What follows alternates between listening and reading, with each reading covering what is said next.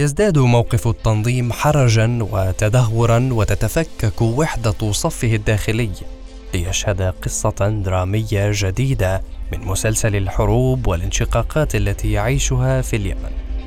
حيث تبدأ هنا قصة أمير المكلا أبو عمر النهدي الذي يقرر الانقلاب على قيادته بسبب خلافه في تحديد العدو القريب من العدو البعيد وحول اولويه القتال على الجبهات ودعم القبائل في مواجهة الحوثيين.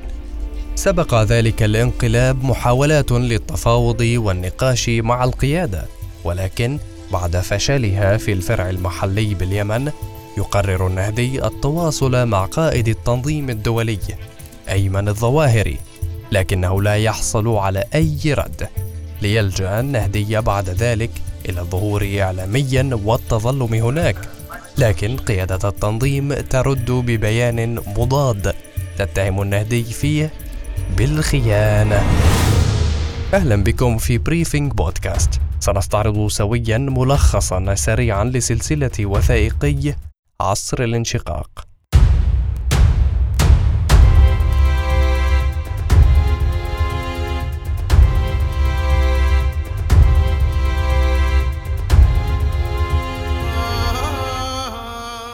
انشق النهدي فيما بعد عن الزعيم الجديد خالد باطرفي وأصبحت المشكلة أكثر تعقيدا بعد مقتل أيمن الظواهري في يوليو 2022 حيث أصبح سيف العدل هو الأمير الفعلي لتنظيم القاعدة ومع ذلك ما زالت مشكلة النهدي تتفاقم ومن المحتمل أن تتخذ قيادات أخرى نفس الموقف في المستقبل. لاحقا عزز الحوثيون قواتهم في محافظة شبوة وسيطروا على بعض المناطق في حملة عسكرية مميتة. وعلى الرغم من وصول الحوثي إلى معاقل القاعدة قرر قائد التنظيم باطرفي عدم المشاركة في أي معارك ضد الحوثيين مما أثار انقسامات داخل التنظيم خاصة مع قائد التنظيم في شبوة العولقي. وعندما اغتيل القيادي الكبير أبو عمر الحضرمي في عام 2022 تفاقمت التوترات بين القياديين في التنظيم وذلك بعدما اتهم بعض القادة بزرع شريحة تتبع للحضرمي. وعلى الرغم من محاولات الوساطة بعد حادثة الاغتيال تلك وبعد قيام الحوثي بالسيطرة على بعض المناطق في شبوة فإن التوتر بين باطرفي والعولقي قد تصاعدت وتيرته مما يشير إلى وجود صراع قوي على الزعامة داخل التنظيم. لاحقا قام التنظيم على إثر ضعف ميزانيته بالإجراءات التقشفية التي لم تكن سوى بداية لأزمة أخرى. فقد تسبب التقشف وخاصة في محافظة شبوة لمغادرة بعض أعضاء التنظيم وذلك بحثا عن مصادر دخل جديدة. ورغم الإجراءات والمغادرة للأعضاء إلى أنه لا يبدو أن العولقي سينشق عن التنظيم بالكامل. وإذ قرر الانسحاب فسيكون هذا واحدا من أكبر الانشقاقات في تاريخ تنظيم القاعدة في اليمن. ومع توجه الأنظار إلى سيف العدل كقائد للتنظيم وهو المقيم في إيران فلم يكن مفاجئا قيامه بالطلب من المجاهدين أن يعملوا كجواسيس خلف صفوف العدو لصالح إيران.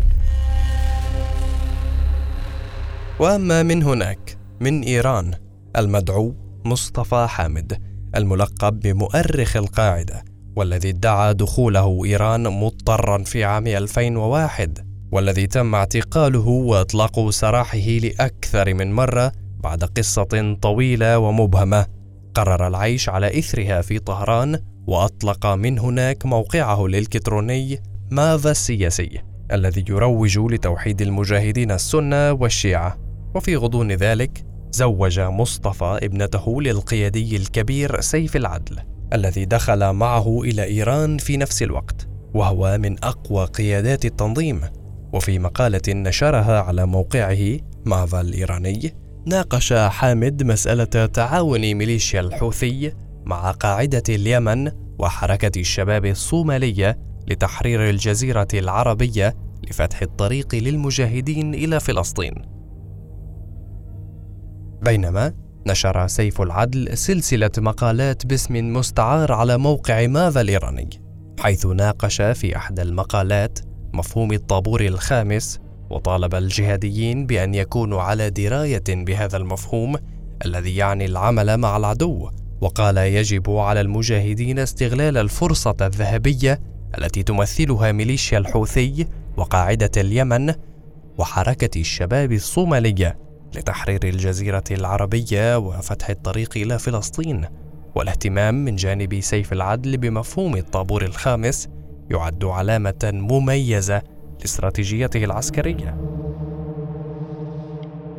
وعلى ما يبدو أن سياسيي التنظيم في اليمن لا يمتلكون خبرات المراوغة الكافية لتحقيق استراتيجية سيف العدل، مما دفع المجال لقيادات أخرى بالمطالبة بتحديد الموقف تجاه إيران، مثل القيادي سند الوحيشي والذي قرر الانشقاق نهائيا عن التنظيم بعد حادثة الإعدام المثيرة للجدل التي راح ضحيتها الدكتور مظهر اليوسفي وأصدر الوحيشي بيانا تحت عنوان لماذا تركت القاعدة؟ يكشف فيه عن بعض الانتهاكات التي يمارسها التنظيم. وفي اليمن أزمة تنظيم القاعدة تتفاقم وتتحول إلى مشكلة إقليمية وذلك بعد مقتل زعيم التنظيم. أيمن الظواهري. وإثر هذه الوفاة ظهرت آراء لقادة جماعات في دول مجاورة في محاولة لتعديل طريق القاعدة حيث حث القيادي البارز في هيئة تحرير الشام أبو ماريا القحطاني القاعديين على التفكير في إيجاد نموذج بديل يتبنى التعاون مع دول المنطقة لمواجهة المشروع الإيراني. وينصح فرع التنظيم في اليمن بتحديد أولوياته والتركيز على مواجهة الحوثي وقطع العلاقات مع الكيانات الأجنبية. كما نصح أبو محمود نجلي أبي قتادة الفلسطيني على أهمية الانفصال عن تنظيم القاعدة وقطع العلاقات معها لدعم المسلمين. تجاوزت أزمة التنظيم الدولي المنهار الحدود المحلية. وقد تشكل هنالك حوار إقليمي حول مصيره. تواجه تنظيم القاعدة أزمة حقيقية. فبعد وفاة الظواهر وانقسام فروع التنظيم عن بعضها البعض يرى الخبراء أنه من الصعب استمرار التنظيم بشكل مركزي وأن الفروع المحلية المستقلة قد تصبح الخيار الأفضل. ويبدو أن فروع التنظيم تتصرف بشكل شبه مستقل عن التنظيم المركزي. وهو ما يمهد الطريق لانفصال كل فرع عن التنظيم. لاحقا تنظيم القاعدة أعلن عن حملته العسكرية سهام الحق ردا على المجلس الانتقالي الجنوبي ويستهدف تجنيد الجنوبيين لمواجهة الحوثيين والذين يشكلون تهديدا للحركة السنية. ولاء قائد التنظيم خالد باطرفي لا يزال لغزا ويثير التساؤلات بين اليمنيين وحتى أتباع التنظيم نفسه فعندما يتكلم المتحدث باسم التنظيم بصوت متحمس وهو يهاجم الحوثيين ذراع إيران باليمن.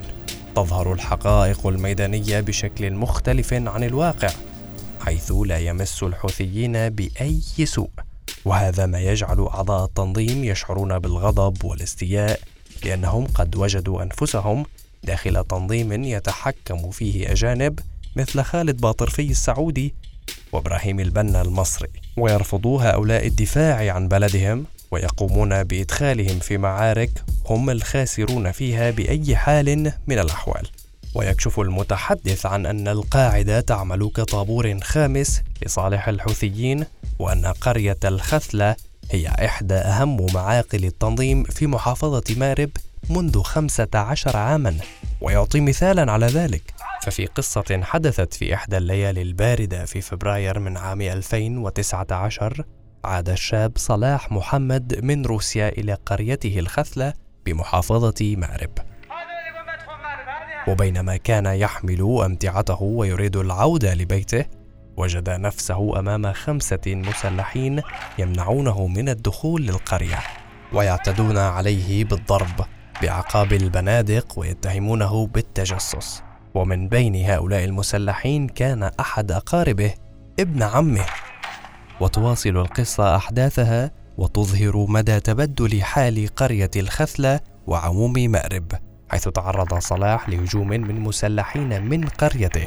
وتفاجأ بأن الشباب في القرية فقد تم استقطابهم من قبل تنظيم القاعدة وأجبروا على الذهاب لمحافظة البيضاء لدراسة الدين في مراكز التنظيم. تعرض صلاح للتهديد بالذبح من قبل طفل في القرية بسبب ملابسه وكان شخصان من تنظيم القاعدة يتحكمان بكل ما يجري في القرية ويحرضان الناس ضد جماعة الحوثي والشيعة. ومع اندلاع المواجهات العسكرية بين الجيش اليمني والحوثي في مديرية الجوبة في عام 2020 فوجئ أهل القرية بأن أعضاء التنظيم التزموا منازلهم بدلا من الخروج لمقاتلة الجيش وأفادت شبكة الوفاق التابعة للخارجية الإيرانية أن جماعة الحوثي استطاعت السيطرة على مديرية الجوبة سلميا دون مواجهات. تجسد شهر أكتوبر عام 2021 واقعة شيقة ومثيرة أيضا حيث قامت ميليشيا الحوثي بنشر معلومات عن تواجد قيادي خطير لتنظيم القاعدة في منزله بالمديرية إلى أن الحوثيين لم يفعلوا له شيئا. فقد قرر الحوثي نشر هذه المعلومات والتي فور ذيوعها قام الجيش الأمريكي بضرب المديرية بعدة غارات جوية بدون طيار. ومن بين المباني المستهدفة كان منزل ذلك القيادي المدعو منصر مبخوت الفقير الذي توفي هو وشقيقه. وفي ذلك يشتبه أن القاعدة قدمت منصر مبخوت الفقير كبش فداء لإخفاء تعاونها مع الحوثيين أو لتصفية القادة غير المتصالحين مع استراتيجيتها. بينما هناك قادة آخرون للقاعدة في مناطق سيطرة الحوثيين لم يتم الكشف عن أماكن تواجدهم مما يثير تساؤلات حول مصداقية نشر المعلومات حول تواجد منصر مبخوت الفقير. لقد تعرض تنظيم اليمن لأزمة كبيرة بسبب مشاكله المادية فبعد حصوله على مبالغ ضخمة جدا عام 2015 وذلك بعد سيطرتهم على المكلا واستيلائهم على بنوكها عاش التنظيم عصره الذهبي.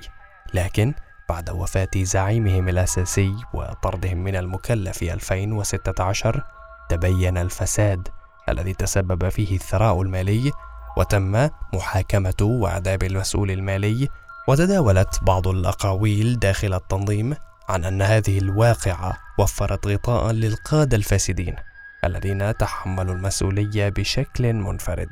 من أغنياء أهل اليمن وترد على فقراء أهل اليمن ولا يعود منها كان اليمن في ذلك الوقت بمثابة مركز للتوتر والصراع. وتنظيم القاعدة كان يتعامل مع الوضع بحذر شديد. كان لديهم خطط للتوسع والتقدم ولكن كل هذه الخطط توقفت فجأة بعد سقوط المكلا في أيدي الحوثيين. كان ذلك الوضع يشكل تحديا كبيرا بالنسبة لقادة التنظيم الذين كانوا يعتمدون بشكل كبير على الأموال التي كانوا يحصلون عليها من المدينة. ومع ذلك قد بدأوا ببيع النفط والحصول على الأموال منه ولكن كان هذا الإجراء غير كاف ولم يستطع التنظيم الحفاظ على مستويات الإيرادات التي كانوا يتوقعونها. وفي هذا الوقت وجد قائد التنظيم نفسه في موقف صعب.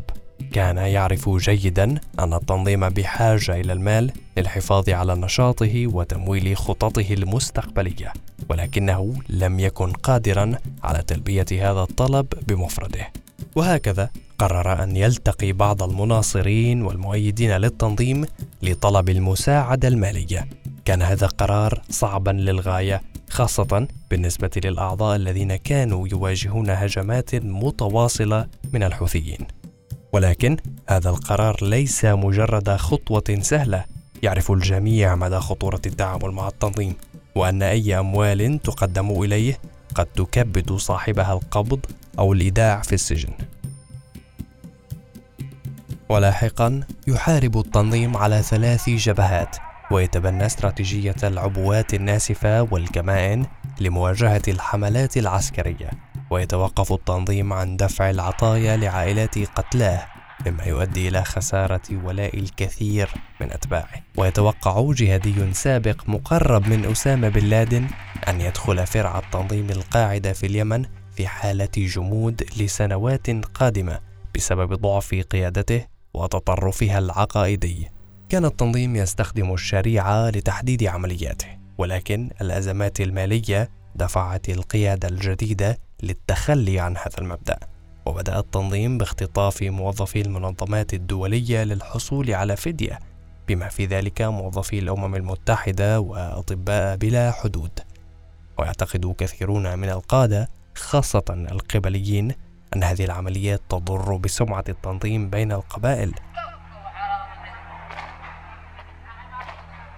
ومع تزايد عمليات الاختطاف وفي حدث مثير ودرامي قامت قيادة تنظيم القاعدة في اليمن برفض طلب القيادي أبو صالح بإطلاق سراح المخطوفين مما أدى إلى اعتزاله ومغادرته المحافظة. وهذه العملية أثارت استياء العديد من القيادات الكبيرة في التنظيم. بما في ذلك سعد عاطف العولقي الرجل الثاني في التنظيم. وبالإضافة إلى ذلك توقف صرف العطايا للأعضاء وتصر القيادة على تنفيذ عمليات خطف لتغطية العجز المالي وهو ما أثار حفيظة القيادات الكبيرة الأخرى. ومن جانب آخر فإن التنظيم لم يعد قادرا على تنفيذ عمليات الاختطاف بسبب عدم قدرته على الاحتفاظ بالرهائن بعد خسارة المعاقل الرئيسية وعلاقته المتدهورة مع القبائل. فضل خالد باطرفي وعبد الملك الحوثي العودة للرقص على أنغام الطبلة الإيرانية. وبحسب مصادر داخلية فقد تم تكليف أحد القياديين المقربين من باطرفي بالتنسيق مع الزعيم سيف العدل والحرس الثوري الإيراني والمخابرات الإيرانية. لتنفيذ عمليات مشتركة في المهرة وحضرموت. وبمقابل ذلك ستقدم إيران دعما ماليا سخيا للتنظيم وتوجه الحوثيين بعدم استهدافهم عسكريا. بدأت أزمة تنظيم القاعدة في اليمن عندما تم انكشاف تعاونها مع الحوثيين وإيران. وكلما تعمقت الأزمة اضطر التنظيم إلى التعاون مع إيران أكثر. في محاولة منه لإطفاء النار بالبترول. وشمل التعاون تبادل المعلومات وخفض التصعيد الميداني لتركيز الانتباه على الخصوم المشتركين مثل معسكر الشرعية وكل الأطياف. وحدث هذا عندما انسحب أعضاء التنظيم عن طريق الحوثيين وسمحوا لهم بالسيطرة على أجزاء من محافظتي شبوة ومأرب. وتم أيضا تبادل المحتجزين من خلال المفاوضات الثنائية السرية المستمرة بين الطرفين. في يناير الماضي تم الإفصاح عن صفقة تبادل الأسرى بين الحوثيين والقاعدة والتي تمت وسط تكتم شديد بين الطرفين. أطلقت ميليشيا الحوثي أكثر من 11 عنصرا تابعا للقاعدة من سجون الأمن الإيراني في صنعاء مقابل تسعة أسرى حوثيين لدى القاعدة. وهذه هي الصفقة الرابعة بين الحوثيين والقاعدة منذ العام 2015 بالرغم من عدم وضوح عدد المعتقلين الحاليين لتنظيم القاعدة داخل السجون المدارة من الحوثيين إلى أنه يبدو أن أكثر من نصفهم تم إطلاق سراحهم في صفقات تبادل منذ عام 2016 وقد تصل نسبة الإطلاق إلى 70% وتجري محادثات لإطلاق سراح البقية. وقد تم إطلاق سراح معظم كبار أعضاء التنظيم ويبدو أن المتبقين هم الشخصيات الأدنى رتبة. في الحلقة الثالثة والأخيرة من بريفينج بودكاست لملخص وثائقي عصر الانشقاق. سنتابع سياق الأحداث وما إذا كان التنظيم سيتخلى عن أهدافه الأيديولوجية والاستراتيجية ويتحول إلى مجرد مجموعة تبحث عن مقابل مالي لتحقيق خدمات على حساب أفكارها.